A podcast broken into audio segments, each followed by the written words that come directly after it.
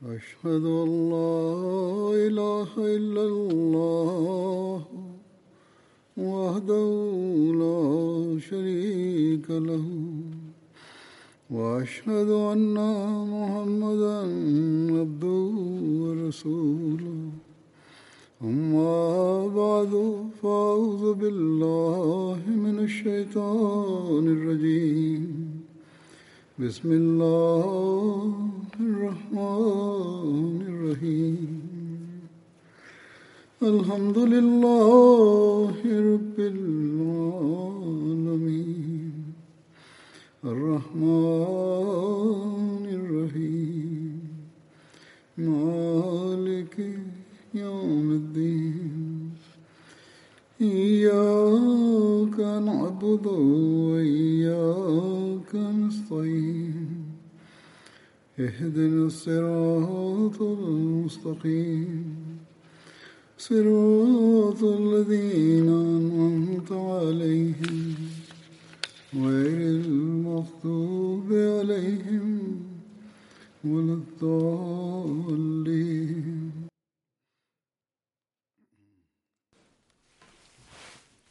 Pada khutbah yang lalu, tengah dibahas tentang hadrat Umar Dalau Anhu dan juga peperangan Ghazwah dan Sariyah.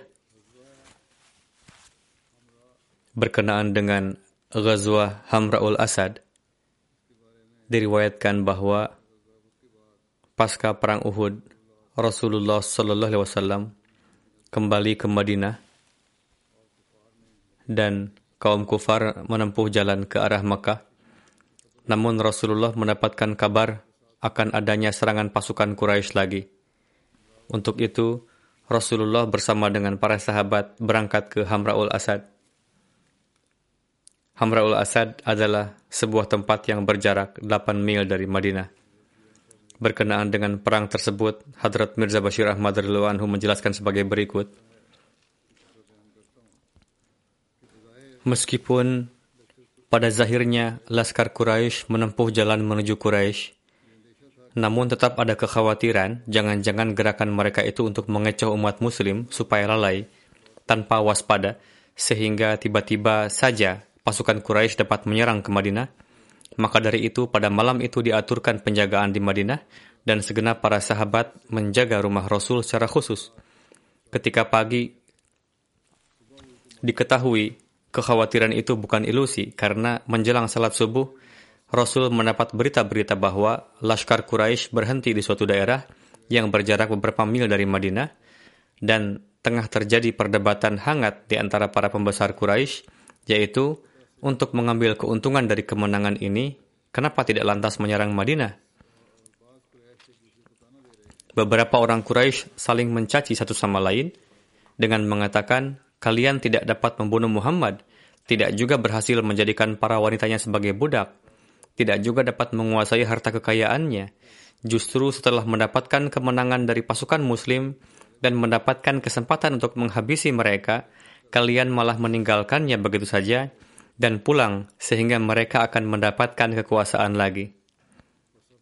Untuk itu, sekarang adalah kesempatan baik untuk kembali menyerang Madinah dan menghabisi umat muslim sampai ke akar-akarnya.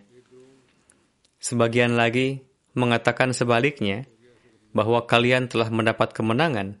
Anggap saja itu suatu ghanimah dan kembalilah ke Mekah supaya jangan sampai kemasyhuran yang telah kalian raih ini hilang lagi. Jangan sampai kemenangan ini berubah menjadi kekalahan. Namun pada akhirnya pendapat mereka yang berdarah dingin yang lebih dominan dan orang-orang Quraisy itu pun bersiap untuk berbalik mengarah ke Madinah.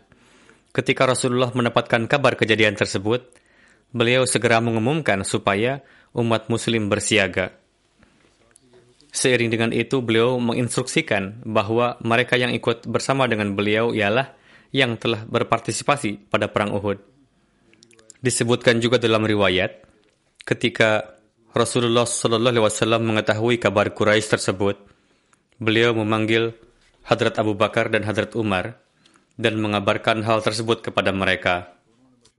Keduanya memberikan saran bahwa kita seharusnya berangkat untuk mengikuti musuh. Sebagaimana para pejuang Uhud yang di antaranya banyak yang terluka, mengikat lukanya, dan ikut bersama dengan junjungan mereka. Dikisahkan pada saat itu umat muslim berangkat dengan penuh bahagia dan semangat layaknya laskar penakluk yang berangkat untuk menguasai musuh pasca kemenangan. Setelah menempuh jarak 8 mil, Rasul sampai di Hamraul Asad.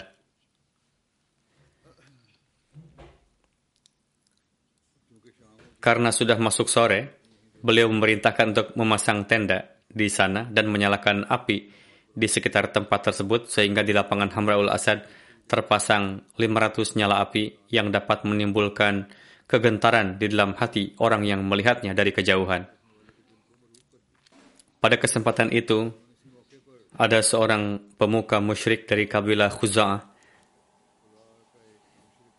yang bernama Ma'bad hadir ke hadapan Rasul menyampaikan ucapan bela sungkawa atas korban dari pihak muslim pada Perang Uhud, lalu melanjutkan perjalanan. Hari berikutnya ketika sampai di daerah Rawaha, area yang berjarak 40 mil dari Madinah, apa yang terlihat? Ternyata Laskar Quraisy telah memasang tenda di sana yang kembali setelah berdebat lalu bersiap-siap untuk menuju Madinah. Ma'bad segera pergi kepada Abu Sufyan dan mengatakan, apa yang akan kalian lakukan? Demi Tuhan, baru saja saya meninggalkan Laskar Muhammad di Hamraul Asad. Saya tidak pernah melihat Laskar yang penuh wibawa, ru'ub seperti itu, dan penuh penyesalan atas kekalahan yang mereka alami pada Perang Uhud. Disebabkan penyesalan itu, mereka sedemikian rupa bergejolak sehingga jika melihat kalian, mereka akan melahap kalian. Abu Sufyan dan laskarnya begitu gentar setelah mendengar kisah yang disampaikan Ma'bad, sehingga ia mengurungkan niatnya untuk pergi ke Madinah dan kembali ke Makkah. Setelah Rasulullah mendapatkan kabar kembalinya pasukan Quraisy, beliau bersyukur kepada Allah Ta'ala dan bersabda, ini adalah ru'ub dari Allah Ta'ala yang dia masukkan ke dalam hati orang-orang kafir. Setelah itu beliau tinggal lagi beberapa hari di Hamraul Asad. Perang Ghazwah Banu Mustalik Ghazwah Banu Mustalik terjadi pada bulan Syaban 5 Hijriah. Peperangan tersebut dinamai juga Perang Muraisi dalam menjelaskan hal itu, Hadrat Mirza Bashir Ahmad menulis sebagai berikut, penentangan bangsa Quraisy hari demi hari semakin membahayakan. Dengan segala tipu daya, mereka memprovokasi banyak sekali kabilah Arab untuk menentang Islam dan pendirinya. Namun sekarang penentangan mereka menimbulkan mara bahaya baru, yakni kabilah-kabilah Hijaz yang memiliki hubungan baik dengan umat Islam mulai bangkit untuk menentang umat Islam karena hasutan bangsa Quraisy Dalam hal ini, yang mendahului adalah kabilah terkenal bernama Banu Khuza'ah, yang salah satu rantingnya, Banu Mustalik, mulai bersiap untuk menyerang Madinah. Pemimpinnya, Haris bin Abi Zirar, melakukan kunjungan ke kabilah-kabilah lain di daerah itu dan mengajak kabilah-kabilah lain bergabung dengannya.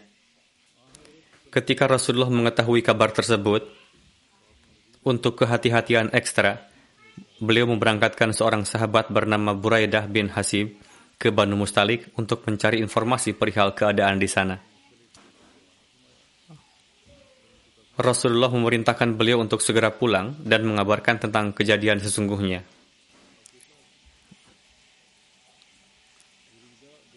Baridah pergi dan melihat bahwa memang benar tengah ada satu perkumpulan besar dan tengah dilakukan persiapan besar-besaran untuk menyerang Madinah. Beliau segera pulang dan mengabarkan hal itu kepada Rasulullah. Sesuai kebiasaan, Rasulullah memerintahkan umat muslim ke Banu Mustalik sebagai antisipasi. Banyak sekali sahabat yang bersedia untuk ikut bersama dengan beliau. Bahkan satu kelompok besar orang-orang munafik yang mana sebelumnya tidak pernah ikut serta dalam jumlah sebanyak itu, ikut serta. Rasulullah menetapkan Abu Zar Ghafari atau dalam beberapa riwayat lain Zaid bin Harithah sebagai Amir Madinah. Kemudian dengan menyebut nama Allah, beliau berangkat dari Madinah pada bulan Syaban 5 Hijriah. Laskar pasukan muslim hanya membawa 30 kuda, namun jumlah unta sedikit lebih banyak. Untuk itu pasukan silih berganti mengendarai kuda-kuda dan unta-unta itu. Di jalan, pasukan muslim mendapati seorang mata-mata kaum kufar, lalu menangkapnya dan menghadirkannya ke hadapan Rasulullah. Setelah diselidiki dan memang benar orang itu adalah mata-mata, Rasulullah menanyakan kepadanya berkenaan dengan kondisi kaum kufar dan lain-lain. Namun ia menolak untuk memberikan informasi. Karena keadaan orang itu mencurigakan, untuk itu sesuai dengan peraturan perang pada masa itu, Hadrat Umar membunuh mata-mata tersebut. Setelah itu Laskar Islam berangkat. Ketika Banu Mustalik mendapatkan kabar kedatangan pasukan muslim dan sampai juga kabar bahwa mata-mata mereka telah dibunuh, mereka sangat ketakutan karena tujuan mereka sebenarnya adalah supaya mendapatkan kesempatan untuk dapat menyerang Madinah secara diam-diam. Namun disebabkan oleh kesiagaan Rasulullah, mereka menjadi ketakutan. Adapun kabilah-kabilah lain yang bergabung untuk membantu mereka disebabkan oleh campur tangan ilahi, mereka menjadi ketakutan. Sehingga segera meninggalkan mereka lalu pulang ke rumah masing-masing. Namun Banu Mustalik sendiri telah terprovokasi oleh Quraisy untuk memusuhi umat Islam sehingga mereka tidak mau mengurungkan niatnya untuk berperang dan dengan segenap persiapan mereka telah bersiap-siap untuk bertempur dengan laskar Islam. Ketika Rasulullah sampai di Muresi, yang mana Banu Mustalik tidak jauh darinya, merupakan nama dari suatu tempat yang terletak tidak jauh dari pantai laut. Lalu Rasulullah memerintahkan untuk memasang tenda. Setelah menyiapkan barisan dan membagikan bendera dan lain-lain, beliau memerintahkan Hadrat Umar untuk berangkat dan mengumumkan pada Banu Mustalik, yakni jika mereka tidak berhenti dari memusuhi Islam dan mengakui pemerintahan Rasulullah SAW, maka mereka akan diberikan keamanan dan pasukan muslim akan kembali. Namun mereka menolaknya dengan keras dan bersiap untuk berperang. Tertulis, anak panah pertama yang dilontarkan dalam perang tersebut dilontarkan oleh salah seorang dari mereka. Ketika Rasulullah melihat keadaan tersebut, Rasulullah pun memerintahkan para sahabat untuk melawannya. Peperangan dimulai oleh pihak musuh. Kedua pihak saling melontarkan anak panah sampai beberapa saat. Setelah itu Rasulullah untuk menggempur musuh secara tiba-tiba. Sebagai akibat dari gempuran tiba-tiba itu, pasukan kufar melarikan diri. Namun pasukan muslim dengan cerdiknya mengepung mereka sehingga seluruh pasukan musuh terkepung dan terpaksa menjatuhkan senjata. Akhirnya peperangan yang dapat sangat membahayakan itu berakhir dengan jumlah korban jatuh di pihak musuh sebanyak 10 orang dan pihak muslim sebanyak satu orang. Hadrat Mirza Bashir Ahmad Sahib menulis dalam buku Sirat Khatamun Nabiyyin, pada kesempatan ini perlu juga disampaikan bahwa berkenaan dengan peperangan ini terdapat riwayat dalam Sahih Bukhari bahwa Hadrat Rasulullah melancarkan serangan terhadap Banu Mustalik pada saat mereka tengah tidak siap, yakni tengah memberikan minum pada hewan-hewan ternaknya. Namun jika diperhatikan dengan seksama, riwayat ini tidaklah bertentangan dengan riwayat yang dikutip oleh para sejarawan. Melainkan pada hakikatnya, dua riwayat ini berkaitan dengan dua waktu yang berbeda, yakni kisahnya sebagai berikut. Ketika Laskar Islami sampai di dekat Banu Mustalik, pada saat itu karena mereka tidak tahu bahwa posisi pasukan muslim sudah semakin dekat, Meskipun mereka pastinya sudah mengetahui kabar perihal Laskar Muslim, mereka tengah dalam kondisi santai dan tidak teratur. Kondisi itu jugalah yang diindikasikan dalam Bukhari. Namun ketika mereka mengetahui kabar bahwa pasukan muslim sudah tiba, maka sesuai dengan standar persiapan mereka, segera membuat barisan dan siap untuk bertempur. Kondisi inilah yang disampaikan oleh para pakar sejarah.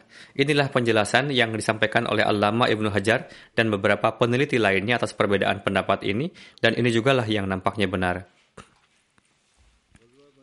Ketika kembali dari Perang Banu Mustalik, terjadi satu peristiwa. Terdapat riwayat dalam Sahih Muslim, Hadrat Jabir bin Abdullah meriwayatkan, kami tengah berada dalam satu peperangan bersama dengan Rasulullah, yakni perang Banu Mustalik, yakni salah seorang dari antara muhajirin memukul pinggang salah seorang dari antara ansar. Ansar mengatakan, Hai muhajir. Muhajir mengatakan, Hai ansar. Rasulullah SAW bersabda, kedua pihak tersebut memanggil orang-orangnya untuk meminta bantuan. Ketika mendengar keributan itu, Rasulullah bersabda, dari mana suara-suara jahiliyah ini? mereka mengatakan kepada Rasulullah, "Wahai Rasulullah, salah seorang dari antara muhajirin memukul punggung salah seorang dari antara ansar." Rasulullah bersabda, "Tinggalkan perbuatan buruk dan sia-sia seperti ini. Kalian bertengkar disebabkan oleh hal-hal yang sepele." Ketika Abdullah bin Ubay yang saat itu tengah berada di sana mendengarnya, ia berkata, "Seorang muhajir telah memukul pinggang seorang ansar." Apakah itu satu atau dua pukulan? Namun demi Tuhan, jika kami kembali ke arah Madinah, maka pasti orang yang paling terhormat akan mengusir orang yang paling hina. Nauzubillah.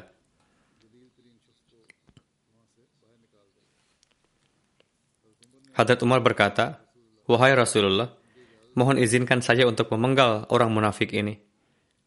Rasulullah bersabda, biarkan dia pergi. Jangan sampai orang-orang mulai mengatakan bahwa Muhammad Sallallahu Alaihi Wasallam telah membunuh kawan-kawannya. Riwayat selengkapnya dijelaskan sebagai berikut dalam buku Sirat Khatamun Nabiyyin, namun tidak akan saya sampaikan karena sebelum ini pernah disampaikan. Alhasil, dalam menjelaskan kondisi terakhir Abdullah bin Ubay, tertulis dalam Sirat Khat Ibnu Hisham bahwa setelah itu, ketika Abdullah bin Ubay mengatakan ini dan itu, kaumnya sendiri mengatakan sangat pemalas padanya. Setelah Rasulullah mengetahui keadaannya, beliau bersabda kepada Hadrat Umar bin Khattab, Wahai Umar, pada hari ketika kamu meminta izin kepada saya untuk membunuhnya, jika saya perintahkan untuk membunuhnya, maka orang-orang akan memprotesnya. Namun jika saya perintahkan kepada orang-orang yang memprotes itu untuk membunuhnya, maka mereka akan membunuhnya.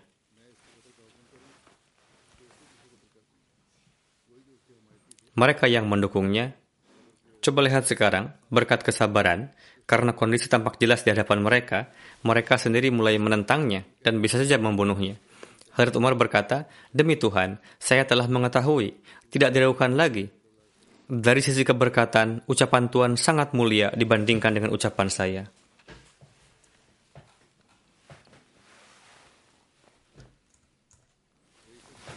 Ketika Rasulullah akan menyalatkan jenazah pemimpin orang munafik, Abdullah bin Ubay, Hadrat Umar berkata, Allah Ta'ala telah melarang Tuhan untuk mensalatkan jenazah orang-orang munafik. Rasulullah bersabda, telah diberikan wewenang kepada saya untuk memohon ampunan baginya atau tidak. Untuk itu, Rasulullah Shallallahu Alaihi Wasallam menyolatkan jenazahnya. Kemudian setelah Allah Ta'ala melarang sepenuhnya untuk tidak mensalatkan orang seperti itu, Rasulullah tidak lagi mensalatkan jenazah orang-orang munafik.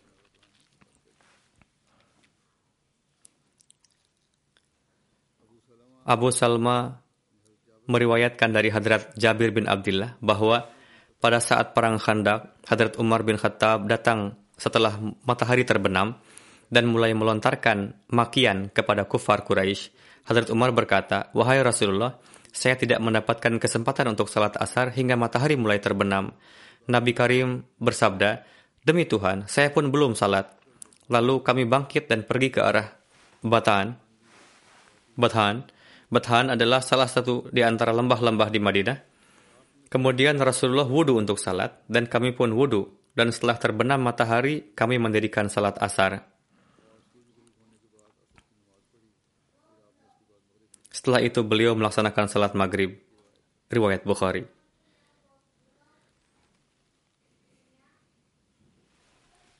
Berkenaan dengan ini muncul perdebatan bahwa selama perang Khandak beberapa salat yang tidak bisa dilakukan oleh Rasulullah dan para sahabat beliau. Berkenaan dengan hal ini didapati beragam riwayat, sebagaimana dalam satu riwayat Hadrat Jabir meriwayatkan pada saat perang Khandak, Hadrat Umar mulai melontarkan cacian kepada orang-orang kafir, berkata, saya tidak mendapatkan kesempatan untuk salat asar hingga matahari telah terbenam. Dikatakan, lalu kami pergi ke Batahan dan mereka melaksanakan salat asar setelah terbenamnya matahari. Kemudian beliau salat maghrib. Ini pun merupakan riwayat Bukhari, yakni pada riwayat yang pertama Rasulullah juga ikut serta. Hadrat Ali meriwayatkan bahwa pada saat menggali parit atau khandak, Rasulullah pernah bersabda, Semoga Allah memenuhi rumah-rumah dan kuburan orang-orang kafir dengan api, karena mereka telah membuat kita sibuk dan tidak memberikan kesempatan kepada kita untuk melaksanakan salat pertengahan, yakni salat asar, hingga matahari telah terbenam. Riwayat Bukhari. Abu Ubaidah bin Abdullah meriwayatkan dari ayahnya bahwa pada saat menggali parit, orang-orang musyrik telah menghambat Rasulullah untuk melaksanakan empat salat hingga berlalu malam hingga berlalu bagian malam yang Allah kehendaki. Perawi mengatakan Rasulullah memerintahkan Hadrat Bilal untuk azan, lalu beliau azan. Kemudian beliau memerintahkan untuk komat, lalu memimpin salat zuhur. Kemudian beliau memerintahkan untuk komat dan memimpin salat asar. Kemudian beliau memerintahkan untuk komat dan memimpin salat maghrib. Kemudian beliau memerintahkan untuk komat dan memimpin salat isya. Musnad Ahmad bin Hambal. Hadrat Akdas Masih salam menetapkan semua riwayat ini do'if atau lemah dan hanya membenarkan satu riwayat yang menyebutkan bahwa beliau melaksanakan salat asar pada waktu yang sudah mendekati maghrib. Sebagaimana dalam merespon keberatan yang dilontarkan oleh pendeta Fatah Masih berkenaan dengan Rasulullah telah mengkodok empat salat pada saat perang khandak, Hadrat Masih salam bersabda, Bisikan setan yang telah meliputi Anda di mana Anda menyatakan bahwa ketika menggali parit atau khandak, keempat salat fardu dilaksanakan dalam satu waktu atau di kodo. Pertama, pengetahuan Anda dalam hal ini yang menggunakan kata kodo. Wahai orang awam, kodo artinya adalah mengerjakan salat, bukan meninggalkan. Meninggalkan salat sama sekali bukanlah kodo. Jika seseorang meninggalkan salat, maka itu disebut wafat dalam istilah Urdu, yakni salatnya telah wafat. Untuk itulah kami menyebarkan selebaran dan menjanjikan hadiah sebesar 5.000 rupis, yakni orang yang bodoh seperti ini pun melontarkan keberatan terhadap Islam. Padahal ia masih belum mengetahui makna kodo. Orang yang tidak mampu menempatkan kata-kata pada porsinya, bagaimana bisa orang bodoh seperti itu melontarkan ejekan terhadap suatu urusan yang bersifat dalam? Selebihnya dikatakan bahwa pada saat menggali parit, empat salat telah dijamak. Sebagai jawaban atas keberatan yang bodoh ini adalah Allah Ta'ala berfirman bahwa agama tidak menghendaki kesulitan, yakni tidak menghendaki kekerasan yang dapat merusak manusia. Untuk itu, dia telah memerintahkan untuk menjamak atau mengkosor salat ketika diperlukan dan ketika menghadapi bala musibah. Namun dalam hal ini, dalam hadis yang terpercaya tidak disebutkan perihal menjamak empat salat tersebut, melainkan dalam Fathul Bari, syarah Sahih Bukhari tertulis bahwa yang terjadi pada saat itu hanyalah sebatas melaksanakan satu waktu salat, yakni salat asar pada waktu yang tidak seperti biasanya. Jika seandainya saat ini beliau Sallallahu Alaihi Wasallam berada di tengah-tengah kita, maka kita akan tanyakan kepada beliau. Hadrat Masih Maud Islam bersabda kepada penentang bahwa apakah riwayat yang menyatakan bahwa keempat salat itu tidak dilaksanakan? Adapun berdasarkan syariat bisa menjama empat salat, yakni zuhur, asar, maghrib, isya. Satu riwayat yang menyatakan bahwa saat itu keempat salat tersebut dijama adalah doif atau lemah. Namun hadis-hadis lainnya yang sahih membantah riwayat tersebut. Yang terbukti benar hanyalah dilaksanakannya salat asar pada waktu yang sudah mendekati maghrib. Berkenaan dengan peran Hadrat Umar di perjanjian Hudaybiyah, tertulis bahwa Rasulullah SAW memanggil Hadrat Umar bin Khattab agar beliau pergi ke Mekah untuk menyampaikan kepada para pemuka Mekah tentang maksud kedatangan Hadrat Rasulullah SAW. Hadrat Umar berkata, Wahai Rasulullah, saya mengkhawatirkan keselamatan jiwa saya terhadap Quraisy karena mereka mengetahui bahwa saya memusuhi mereka. Mereka tahu betapa saya memusuhi Quraisy. Saya telah sedemikian rupa memusuhi mereka hingga tak ada seorang pun dari kaum saya, Banu Adi bin Ka'ab, yang dapat menyelamatkan saya. Demikianlah beliau menyampaikan sedikit keengganannya.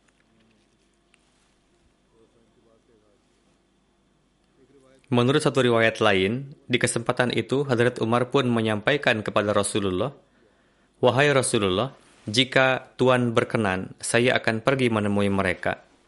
Namun Rasulullah tidak menjawabnya. Hadrat Umar lantas berkata, saya akan mengusulkan satu sosok kepada Tuhan yang adalah lebih terpandang daripada saya di mata Quraisy yakni Hadrat Utsman bin Affan. Lantas Huzur Sallallahu Alaihi Wasallam mencari Hadrat Utsman untuk menemui Abu Sufyan dan pemuka Quraisy lainnya, supaya Hadrat Utsman menyampaikan kepada mereka bahwa Rasulullah tidaklah datang untuk berperang, dan beliau hanyalah datang untuk ziarah Ka'bah dan demi menghormatinya. Rincian ini telah disampaikan di pembahasan tentang Hadrat Utsman. Hadrat Mirza Bashir Ahmad Sahib menulis, Ketika persyaratan perjanjian Hudaybiyah disusun, saat itu Abu Jandal, putra dari duta Quraisy Makkah, Suhail bin Amru, tiba seraya tertatih-tatih di perundingan itu akibat terbelenggu rantai. Sebelumnya, orang Mekah memenjarakan pemuda itu sebab ia menjadi muslim dan ia pun diperlakukan sangat aniaya. Ketika ia mengetahui bahwa Rasulullah tak lama lagi memasuki Mekah, maka beliau dengan sedemikian rupa membebaskan diri beliau dari tahanan orang Mekah dan tiba di Hudaybiyah seraya tertatih-tatih karena terbelenggu rantai. Namun beliau sampai di waktu ayah beliau tengah menuliskan syarat perjanjian, yaitu siapa pun orang Mekah yang ingin mengunjungi kaum muslim, meskipun ia adalah muslim, ia akan dikembalikan. Abu Jandal dengan tertatih-tatih mendatangi orang-orang Islam di sana, seraya menyeru mereka dengan nada pilu. Wahai orang-orang Islam, saya tertimpa musibah ini hanyalah karena Islam. Demi Tuhan, selamatkanlah saya. Orang-orang Islam iba melihatnya, namun Suhail bersikeras pada pendiriannya dan berkata kepada Rasulullah, ini adalah permintaan pertama saya sesuai perjanjian ini kepada Anda, yaitu serahkan Abu Jandal kepada saya. Rasulullah bersabda, perjanjian belumlah sempurna, sekarang masih sedang disusun dan belumlah final. Suhail berkata, jika Anda tidak mengembalikan Abu Jandal, maka anggaplah bahwa proses perjanjian berakhir di sini. Rasulullah bersabda, biarkanlah ia datang ke kami dan serahkanlah Abu Jandal kepada kami sebagai suatu kebaikan dan sikap kemanusiaan. Suhail berkata, tidak, tidak, ini tidak akan terjadi. Rasulullah bersabda, Suhail, janganlah berkeras hati, terimalah ucapanku ini. Suhail berkata, saya sama sekali tak dapat menerima hal ini. Saat itu Abu Jandal kembali berseru, Wahai para muslim, apakah kalian akan menyerahkan seorang saudara muslim kalian ini dalam keadaan yang amat teraniaya ini? Adalah satu hal yang mengherankan mengapa Abu Jandal saat itu tidak meminta kepada Rasulullah, tetapi kepada kaum muslim, di mana mungkin alasannya adalah Rasulullah sama sekali tak akan mencederai suatu perjanjian meski bagaimanapun perihnya keadaan hati beliau. Namun, ia masih berharap kepada orang-orang muslim yang mungkin saat itu akan mencari jalan keluar demi kebebasannya, sementara persyaratan perjanjian masih tengah disusun.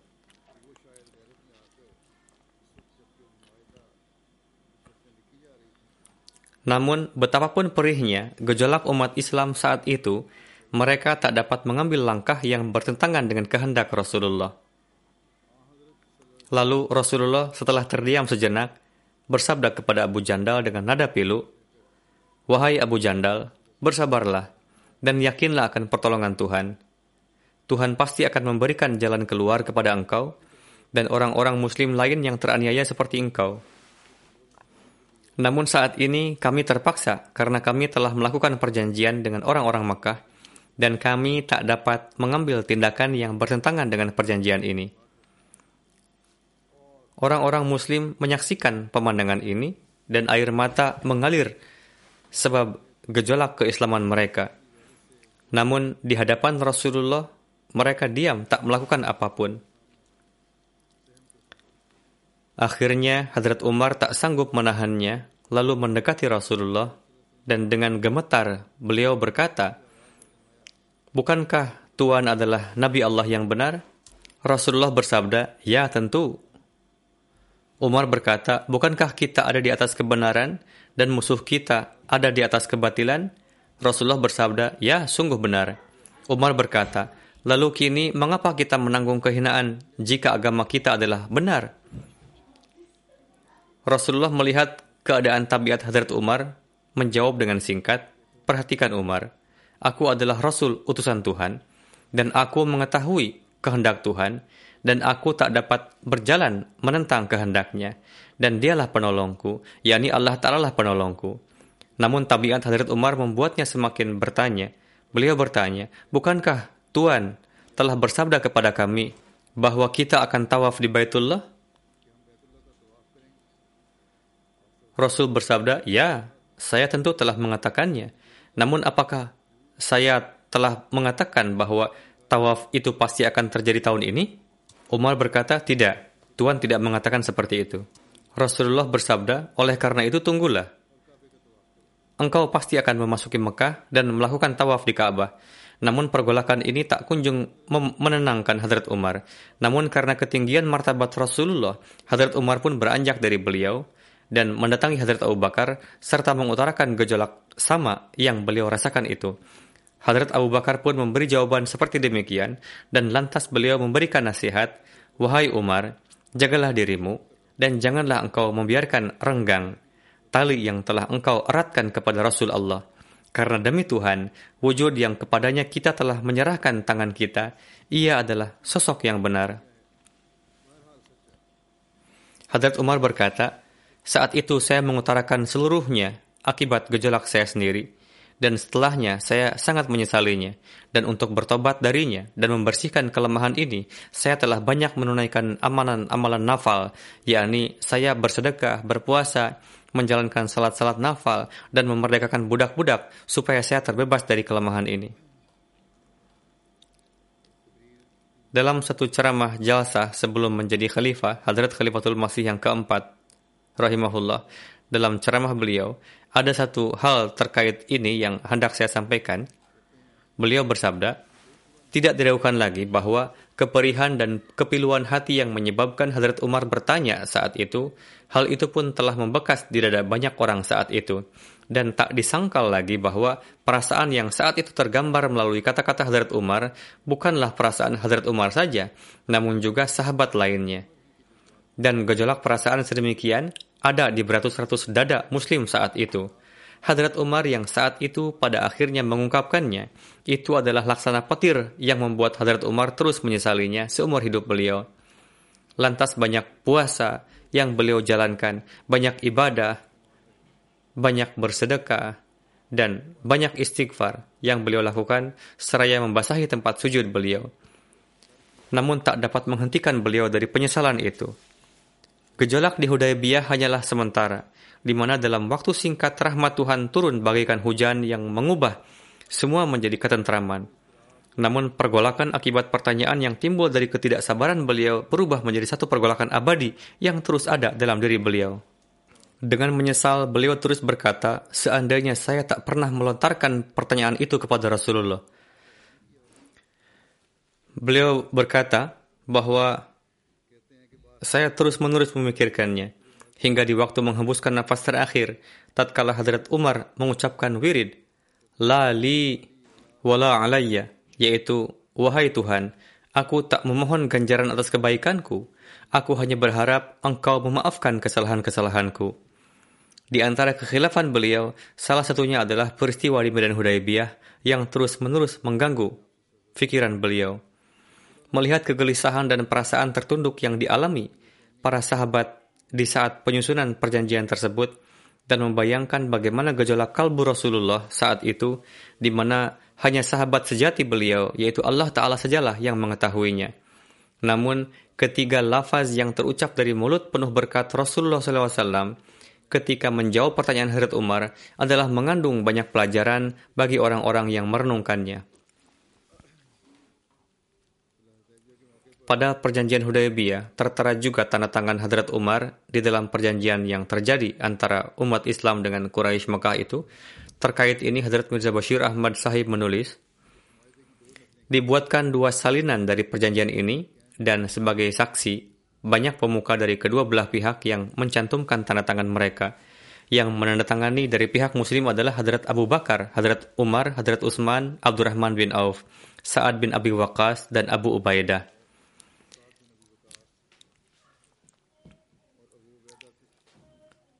Setelah perjanjian rampung, Suhail kembali sambil membawa satu salinan perjanjian tersebut ke Mekah dan salinan kedua ada pada Rasulullah Shallallahu Alaihi Wasallam. Terkait kepulangan setelah perdamaian Hudaybiyah, di dalam Sirat Khatamun Nabiyyin tertulis, Selepas peristiwa pengorbanan tersebut, Rasulullah SAW memerintahkan untuk kembali ke Madinah telah berlalu kurang lebih 20 hari hingga beliau berada di Hudaybiyah. Di perjalanan pulang, ketika beliau tiba di Quraul Ghamim yang berada di dekat Usfan, Usfan terletak sejauh 103 km dari Mekah dan Quraul Ghamim adalah sebuah lembah yang berada 8 mil dari Usfan. Dan saat itu adalah waktu malam. Maka beliau mengumumkan dan mengumpulkan para sahabat. Kemudian bersabda, di malam ini ada satu surat yang turun atasku yang sangat kucintai dibanding dunia dan seisinya. Dan ini adalah surah Al-Fatah. Inna fatahna laka fatham mubina liyaghfira laka Allahu ma taqaddama min dhambika wa ma ta'akhkhar wa yutimma ni'matahu 'alaik wa yahdiyaka siratan mustaqima wayansurakallahu nasran aziza. Laqad sadaqallahu rasulahur ru'ya bil haqq. Ini adalah ayat kedua hingga empat surah Al-Fat.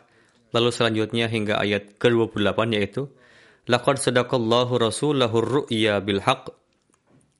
Laqad sadaqallahu rasulahu ru'ya bil haqq. Latadkhulunnal masjidal harama insya'allahu aminin.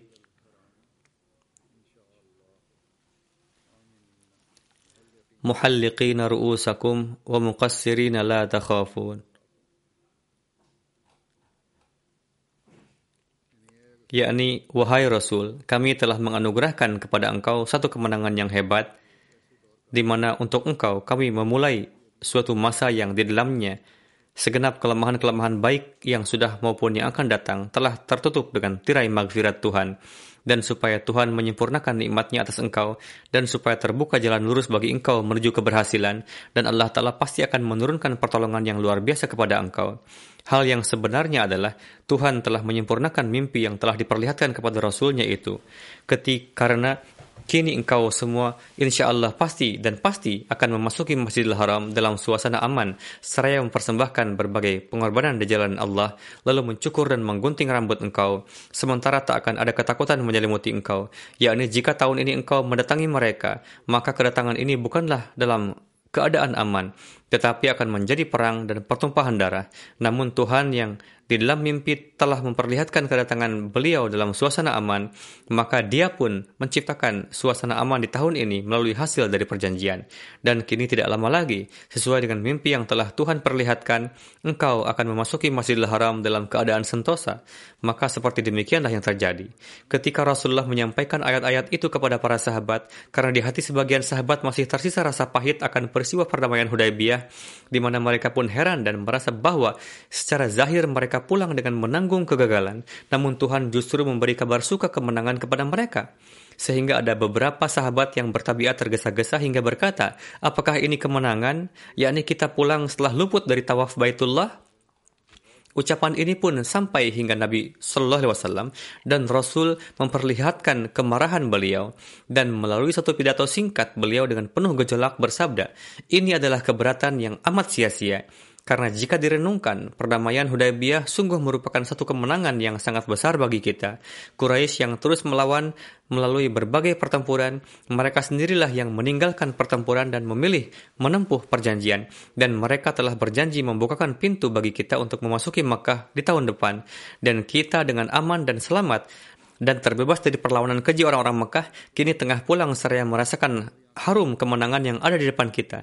Jadi sungguh ini adalah satu kemenangan yang luar biasa. Apakah engkau telah lupa bahwa Quraisy inilah yang dahulu telah sedemikian rupa mencederai engkau di peperangan Uhud dan Ahzab. Dan saat itu bumi yang luas telah menjadi sempit atasmu dan mata engkau telah dilempari dan engkau di timpa kegetiran. Namun kini Quraisy itulah yang melakukan janji damai dengan engkau. Sahabat berkata, Wahai Rasulullah, jika kami telah memahami, kami tak mampu melihat apa yang dapat engkau lihat. Namun kini kami telah mengerti bahwa sungguh perjanjian ini adalah kemenangan besar bagi kita. Sebelum beliau SAW menyampaikan sabda ini, Hadrat Umar pun sangat bermuram hati. Beliau radhiyallahu sendiri yang menjelaskan, sepulang peristiwa Hudaybiyah, di perjalanan ketika malam hari, saya datang ke hadapan Rasulullah dan hendak menyampaikan sesuatu kepada beliau, namun beliau tak menjawab apa pun. Untuk ketiga kalinya saya bertanya, namun beliau tetap diam seperti sebelumnya. Saya sangat sedih akan diamnya beliau, dan saya berkata kepada diri saya, celakalah engkau Umar, engkau telah tiga kali bertanya kepada Rasulullah, namun beliau tak menjawab apa pun. Oleh karena itu, saya keluar dari rombongan muslim dan menanggung kesedihan saya berpikir berpikir apakah yang sebenarnya terjadi dan rasa takut pun menghantui saya. Jangan sampai ada ayat Quran yang turun mengenai saya. Seketika itu ada se seorang yang menyeru nama saya dan berkata bahwa Rasulullah memanggil Umar bin Khattab. Dalam hati saya berkata, pasti ada ayat Quran yang turun mengenai diri saya. Maka dari itu dengan rasa takut, saya segera datang ke hadapan Rasulullah. Lalu dengan ketakutan saya cepat-cepat datang ke hadapan Rasulullah dan setelah mengucapkan salam saya menghampiri beliau. Beliau bersabda, saat ini telah turun suatu surat kepada saya yang lebih saya cintai daripada semua barang-barang dunia. Kemudian Rasulullah menilawatkan surah Al-Fath. Hadrat Umar berkata, Wahai Rasulullah, apakah perjanjian damai ini benar-benar kemenangan Islam? Rasul bersabda, Ya, sungguh ini adalah kemenangan kita. Atas hal ini Hadrat Umar merasa tenang, lalu terdiam. Setelah itu Hadrat Rasulullah pulang ke Madinah. Hadrat Muslim Maud bersabda, pada kesempatan perjanjian Hudaybiyah, Rasulullah berdamai dengan musyrikin Mekah yang karenanya dalam diri para sahabat timbul kerisauan sedemikian rupa hingga sosok seperti Hadrat Umar datang kepada Rasulullah dan mengatakan, "Wahai Rasulullah, bukankah Allah Ta'ala telah menjanjikan kepada Anda bahwa kita akan melakukan tawaf di Ka'bah? Atau bukankah kemenangan telah ditakdirkan untuk Islam?" Rasulullah bersabda, "Mengapa tidak?" Hadrat Umar berkata, "Lalu mengapa kita ditekan dan melakukan perjanjian ini?" Rasulullah bersabda, memang Allah Ta'ala telah menjanjikan bahwa kita akan melakukan tawaf, namun tidak mengatakan bahwa kita akan melakukannya tahun ini. Hadrat Riwayat Hadrat Umar ini insya Allah masih akan terus berlanjut pada kesempatan yang akan datang. Sekarang saya akan menyampaikan riwayat beberapa almarhum yang akan dilakukan saat salat jenazahnya. Jenazah yang pertama adalah yang terhormat Malik Muhammad Yusuf Salim Sahib yang merupakan penanggung jawab Departemen Penulisan Cepat Beliau wafat pada usia 86 tahun. Innalillahi wa inna ilaihi rajiun. Beliau satu-satunya Ahmadi dalam keluarga beliau. Beliau menerima Ahmadiyah pada tahun 52. Kakak beliau memberikan beliau pekerjaan di bagian kereta api. Waktu itu di sana beliau sebagai kepala teknisi Mir Hamidullah Sahib yang merupakan seorang Ahmadi biasa datang ke sana dan bertablik. Almarhum menjadi Ahmadi setelah membaca Al-Fazl. Ketika keluarga beliau mengetahui, mereka menakut-nakuti dan mengancam akan membunuh beliau jika tidak meninggalkan Ahmadiyah. Namun kemudian beliau meninggalkan rumah dan tidak meninggalkan Ahmadiyah. Ketika beliau meninggalkan rumah, situasinya sangat berbahaya, sehingga ibunda beliau pada suatu malam dengan sembunyi-sembunyi mengatakan kepada beliau, Pergilah dari sini, dan jangan pernah datang ke sini. Jika tidak, nyawamu dalam bahaya, Beliau menyelesaikan master di bidang studi agama Islam dan pada tahun 58 beliau masuk ke Jamiah Kadian.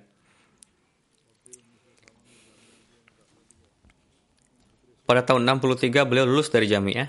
Kemudian beliau bersama Mufti Sizilah pada saat itu, yakni Malik Saifur Rahman Sahib, ditugaskan di kantor Dewan Ifta. Pada tahun 67, beliau dipindahkan ke Departemen Penulisan Cepat. Ketika Maulana Muhammad Yakub Tahir Sahib yang merupakan penanggung jawab di departemen tersebut wafat, maka Hadrat Khalifatul Masih yang ketiga rahimahullah menempatkan almarhum pada posisi beliau di departemen penulisan cepat.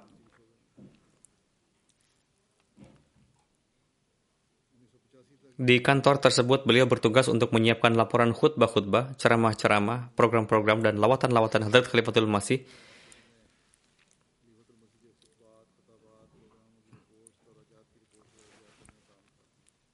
pada tahun 78, Hadrat Khalifatul Masih yang ketiga rahimahullah ikut serta dalam konferensi Kasre Salib. Beliau juga turut serta bersama huzur di dalamnya dan menyiapkan laporan. Beliau juga banyak bekerja sama dengan Hadrat Khalifatul Masih Ar-Rabi rahimahullah dalam penyusunan Sawani Fazli Umar dan Hadrat Khalifatul Masih keempat menceritakan mengenai sosok beliau dengan cara yang sangat baik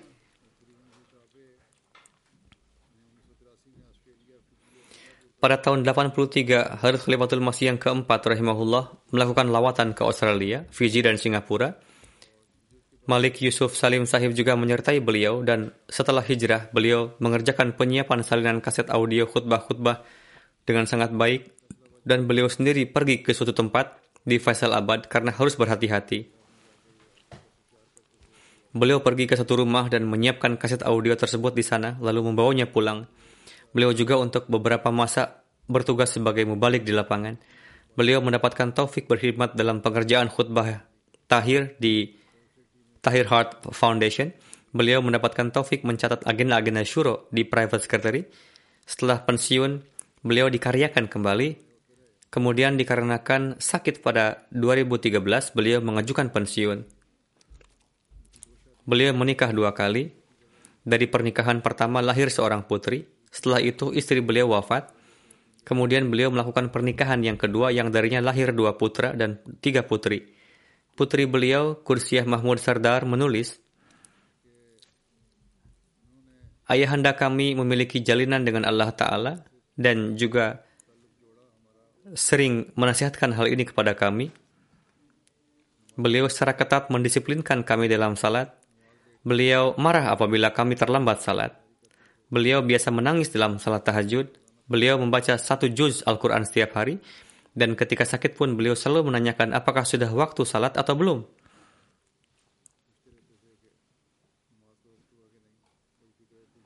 Beliau sangat memperhatikan salat. Beliau memenuhi diri kami dengan kecintaan dan ketaatan pada khilafat. Beliau sangat mencintai khilafat. Beliau selalu mengatakan bahwa seluruh keberkatan terletak pada ketaatan pada khilafat. Beliau telah menanggung banyak kesulitan demi Ahmadiyah. Asisten Sekretaris Pribadi Rashid Tayyib Sahib menuturkan bahwa di masa khilafat ketiga, Mirza Salim Sahib bergabung di Departemen Penulisan Cepat. Di departemen ini beliau mendapatkan taufik berkhidmat dalam waktu yang lama dan menuangkan pidato-pidato lain dan lain sebagainya ke dalam bentuk tulisan. Beliau menyiapkan laporan-laporan untuk surat kabar jemaat Al-Fazl. Beliau seorang yang bekerja dengan penuh tanggung jawab, terorganisir, dan dengan standar yang tinggi Kualitas sastra beliau juga sangat tinggi, dan sebagaimana telah saya sampaikan, beliau mendapatkan kesempatan pergi bersama Khalifatul Masih As-Salis rahimahullah dan Khalifatul Masih Ar-Rabi rahimahullah dalam rombongan lawatan ke luar negeri, seperti Afrika dan Eropa. Beliau bekerja dengan sangat teliti, beliau menuliskan setiap kata dengan penuh kehati-hatian dan perenungan dan berdoa terlebih dahulu sebelum menulis supaya tidak melenceng dari mafhum yang sebenarnya. Ketika beliau pensiun pada tahun 2013, kapan pun timbul kesulitan dalam penyiapan laporan syuro, ketika dipanggil ke kantor private secretary, beliau selalu hadir dengan segera dan selalu mengungkapkan bahwa saya menganggap ini sebagai suatu kehormatan bagi saya. Dalam benak saya juga selalu tergambar mengenai almarhum bahwa beliau seorang pribadi yang tenang, yang menikmati pekerjaannya, dan beliau pun memenuhi hak wakaf. Beliau melakukan semua pekerjaan tanpa banyak bicara, tidak pernah menuntut, dan sosok yang sangat sederhana. Semoga Allah telah menganugerahkan maghfirah dan rahmatnya dan memberikan taufik kepada anak keturunan beliau untuk meneruskan kebaikan-kebaikan beliau. Jenazah kedua yang terhormat Shu'aib Ahmad Sahib Wakaf Zindagi, putra dari almarhum Darwish Bashir Ahmad Sahib dari Kadian. Beliau wafat pada usia 56 tahun. Inna lillahi wa inna ilaihi raji'un. Beliau mulai bekerja di jemaat pada tahun 87. Beliau berkhidmat sebagai karyawan, kepala, dan nazir di berbagai departemen sadar Anjuman Ahmadiyah. Beliau mendapatkan taufik berkhidmat sebagai penanggung jawab di daftar ulia dan jalsah salana Ahmadiyah, Nazir Baitul Mal Kharaj, Nazim Waqf Jadid Mal, Officer Jalsah Salana, dan Sadar Khudamul Ahmadiyah India. Masa pengkhidmatan beliau lebih dari 33 tahun. Beliau pun sangat perhatian terhadap ibadah sangat dawam dalam melaksanakan salat tahajud dan nafal-nafal, dan memiliki standar tinggi ketaatan kepada khilafat, beliau selalu mengatakan, petunjuk apa pun yang datang harus secepatnya dilaksanakan. Beliau memiliki kedalaman ilmu Al-Quran. Beliau biasa menelaah buku-buku Hadrat Masih Maud salam dan para khalifah jemaat. Pengetahuan agama beliau sangat luas dan beliau menguasai pidato dengan berbagai tema. Beliau adalah sosok yang berakhlak baik dan ramah Beliau sosok yang penuh cinta kasih kepada semua lapisan masyarakat. Beliau sepenuhnya memperhatikan orang-orang yang membutuhkan dan para bawahan beliau. Setiap orang di Kadian sangat memuji beliau. Beliau pribadi yang bersemangat tinggi dan senantiasa bersyukur. Almarhum adalah seorang musi. Di antara yang tinggalkan selain istri, juga terdapat dua orang putra. Beliau adalah menantu dari Jalaluddin Sahib Nayyar, sadar-sadar Anjuman Ahmadiyah Kadian. Rafiq Beg Sahib Nazir Baitul Mal Ahmad, Ahmad Kadian menulis, saya mendapatkan kesempatan berkhidmat bersama beliau di Majelis Khudamul Ahmadiyah India dan kantor Jalsa Salanah Kadian selama 18 tahun. Beliau membimbing para pengkhidmat dengan teladan amalan beliau. Pada hari-hari jelasah, beliau berada di kantor hingga pukul 3, 4 dini hari dan memeriksa akomodasi. Ketika didapati kekurangan, beliau segera pergi untuk memperbaikinya. Beliau selalu menasihatkan kepada setiap panitia untuk memperhatikan para tamu Hadrat Masih Maud salam sebagaimana seharusnya. Jika ada perlakuan kurang menyenangkan dari seorang panitia, maka beliau sendiri yang meminta maaf kepada tamu. Saudara ipar beliau juga menulis bahwa beliau selalu mengatakan, di dunia ini saya tidak pernah memusuhi siapa pun. Seorang inspektur wakalat Mal Tahrik Jadid menulis bahwa departemen beliau melakukan lawatan selama 75 hari ke Tamil Nadu, Kerala, India. Pada waktu itu saya sakit, maka beliau menjenguk saya layaknya seorang orang tua. Semoga Allah Ta'ala memberikan magfirah dan rahmatnya kepada almarhum, menganugerahkan kesabaran dan ketentraman kepada istri dan anak-anak beliau, dan memberikan taufik untuk meneruskan kebaikan-kebaikan beliau. Jenazah selanjutnya yang terhormat Maksud Ahmad Bhatti, sahib mubalik jemaat di Kadian yang wafat pada 18 Mei di usia 52 tahun. Innalillahi wa inna ilaihi rajiun. Almarhum berasal dari jemaat Ahmadiyah Charkor, distrik Rajuri, Provinsi Jammu dan Kashmir. Masa pengkhidmatan beliau selama 30 tahun, beliau mendapatkan taufik berkhidmat sebagai Amir daerah Lucknow dan kurang lebih selama satu tahun menjadi mubalik in charge Srinagar. Dari 2017 hingga wafat, beliau berkhidmat secara penuh sebagai kazi pusat. Beliau melaksanakan tugasnya di Dewan Kodo dengan cekatan dan penuh ketulusan. Beliau memutuskan puluhan kasus. Beliau sangat memikirkan tanggung jawabnya. Bahkan ketika sakit di rumah sakit, beberapa hari yang lalu beliau pun terkena corona. Namun beliau masih tetap memikirkan tugas-tugas beliau. Beliau seorang yang sangat ramah, berakhlak baik, berani, memahami permasalahan, dan seorang wakif zindagi yang cekatan. Almarhum seorang musi di antara yang tinggalkan selain ibu dan tiga saudara laki-laki juga tiga orang putri. Semoga Allah Ta'ala memberikan magfirah dan rahmatnya, menjaga putra-putri almarhum, dan menganugerahkan taufik untuk dapat meneruskan kebaikan-kebaikan almarhum. Jenazah selanjutnya Jawed Iqbal Sahib dari Faisal Abad yang wafat di usia 66 tahun. Inna lillahi wa inna ilaihi raji'un. Putra beliau, Talha Jawed, menulis Ahmadiyah masuk ke dalam keluarga beliau melalui kakek buyut beliau yang bernama Baba Cakira yang namanya masyhur dikarenakan profesinya sebagai pembuat penggilingan tepung dan memberikan jasa servisnya. Beliau biasa melakukan pekerjaan beliau dengan bersuara lantang di jalanan sambil melantunkan syair-syair Hadrat Masih Maud salam dengan suara tinggi sehingga terbuka jalan-jalan pertabligan. Dengan karunia Allah Ta'ala, selain salat fardu, beliau juga rajin tahajud. Beliau menasihatkan kepada anggota keluarga untuk melaksanakan salat berjamaah, bahkan mengatur salat berjamaah di rumah. Beliau secara dawam menilawatkan Al-Quran beserta terjemahannya. Beliau secara khusus mengatur untuk menyimak khutbah. Semua anggota keluarga dikumpulkan dan bersama-sama menyimak khutbah di MTA. Beliau begitu asyik dalam pengkhidmatan terhadap agama. Setelah tahun 84 ketika khutbah Khalifah Waqt disiarkan melalui kaset audio, beliau memasukkan kaset ke dalam tas dan berkeliling dengan sepeda ke jemaat di kampung-kampung untuk mengantarkan kaset tersebut dan ketika MTA diluncurkan, beliau memasang parabola di rumahnya dan mengundang orang-orang ke rumah untuk menyimak MTA.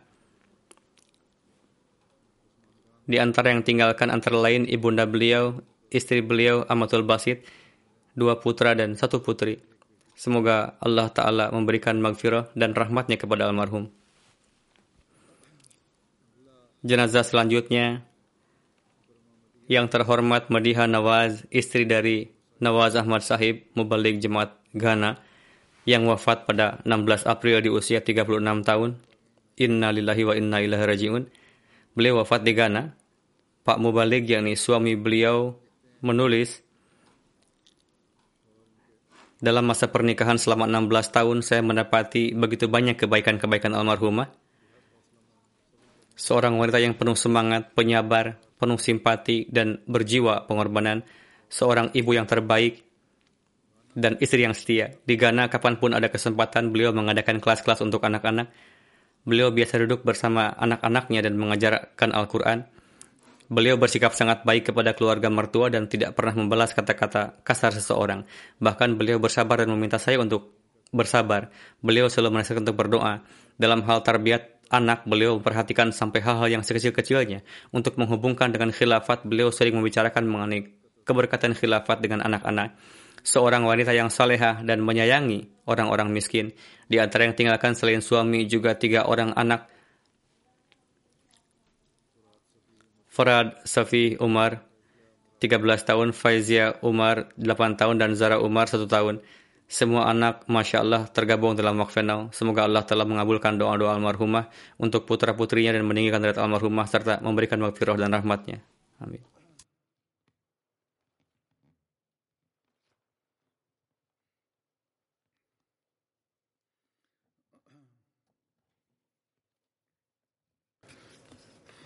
الحمد لله الحمد لله نحمده ونستعينه ونستغفره ونؤمن به ونتوكل عليه. ونعوذ بالله من شرور أنفسنا ومن سيئات أعمالنا. من يهده الله فلا مضل له ومن يضلل فلا هادي له. ونشهد أن لا إله إلا الله. ونشهد أن محمدا عبده ورسوله. عباد الله رحمكم الله. إن الله يأمر بالعدل والإحسان وإيتاء ذي القربى. وينهى عن الفحشاء والمنكر والبغي. يعظكم لعلكم تذكرون. اذكروا الله يذكركم ودوه يستجب لكم ولذكر الله أكبر.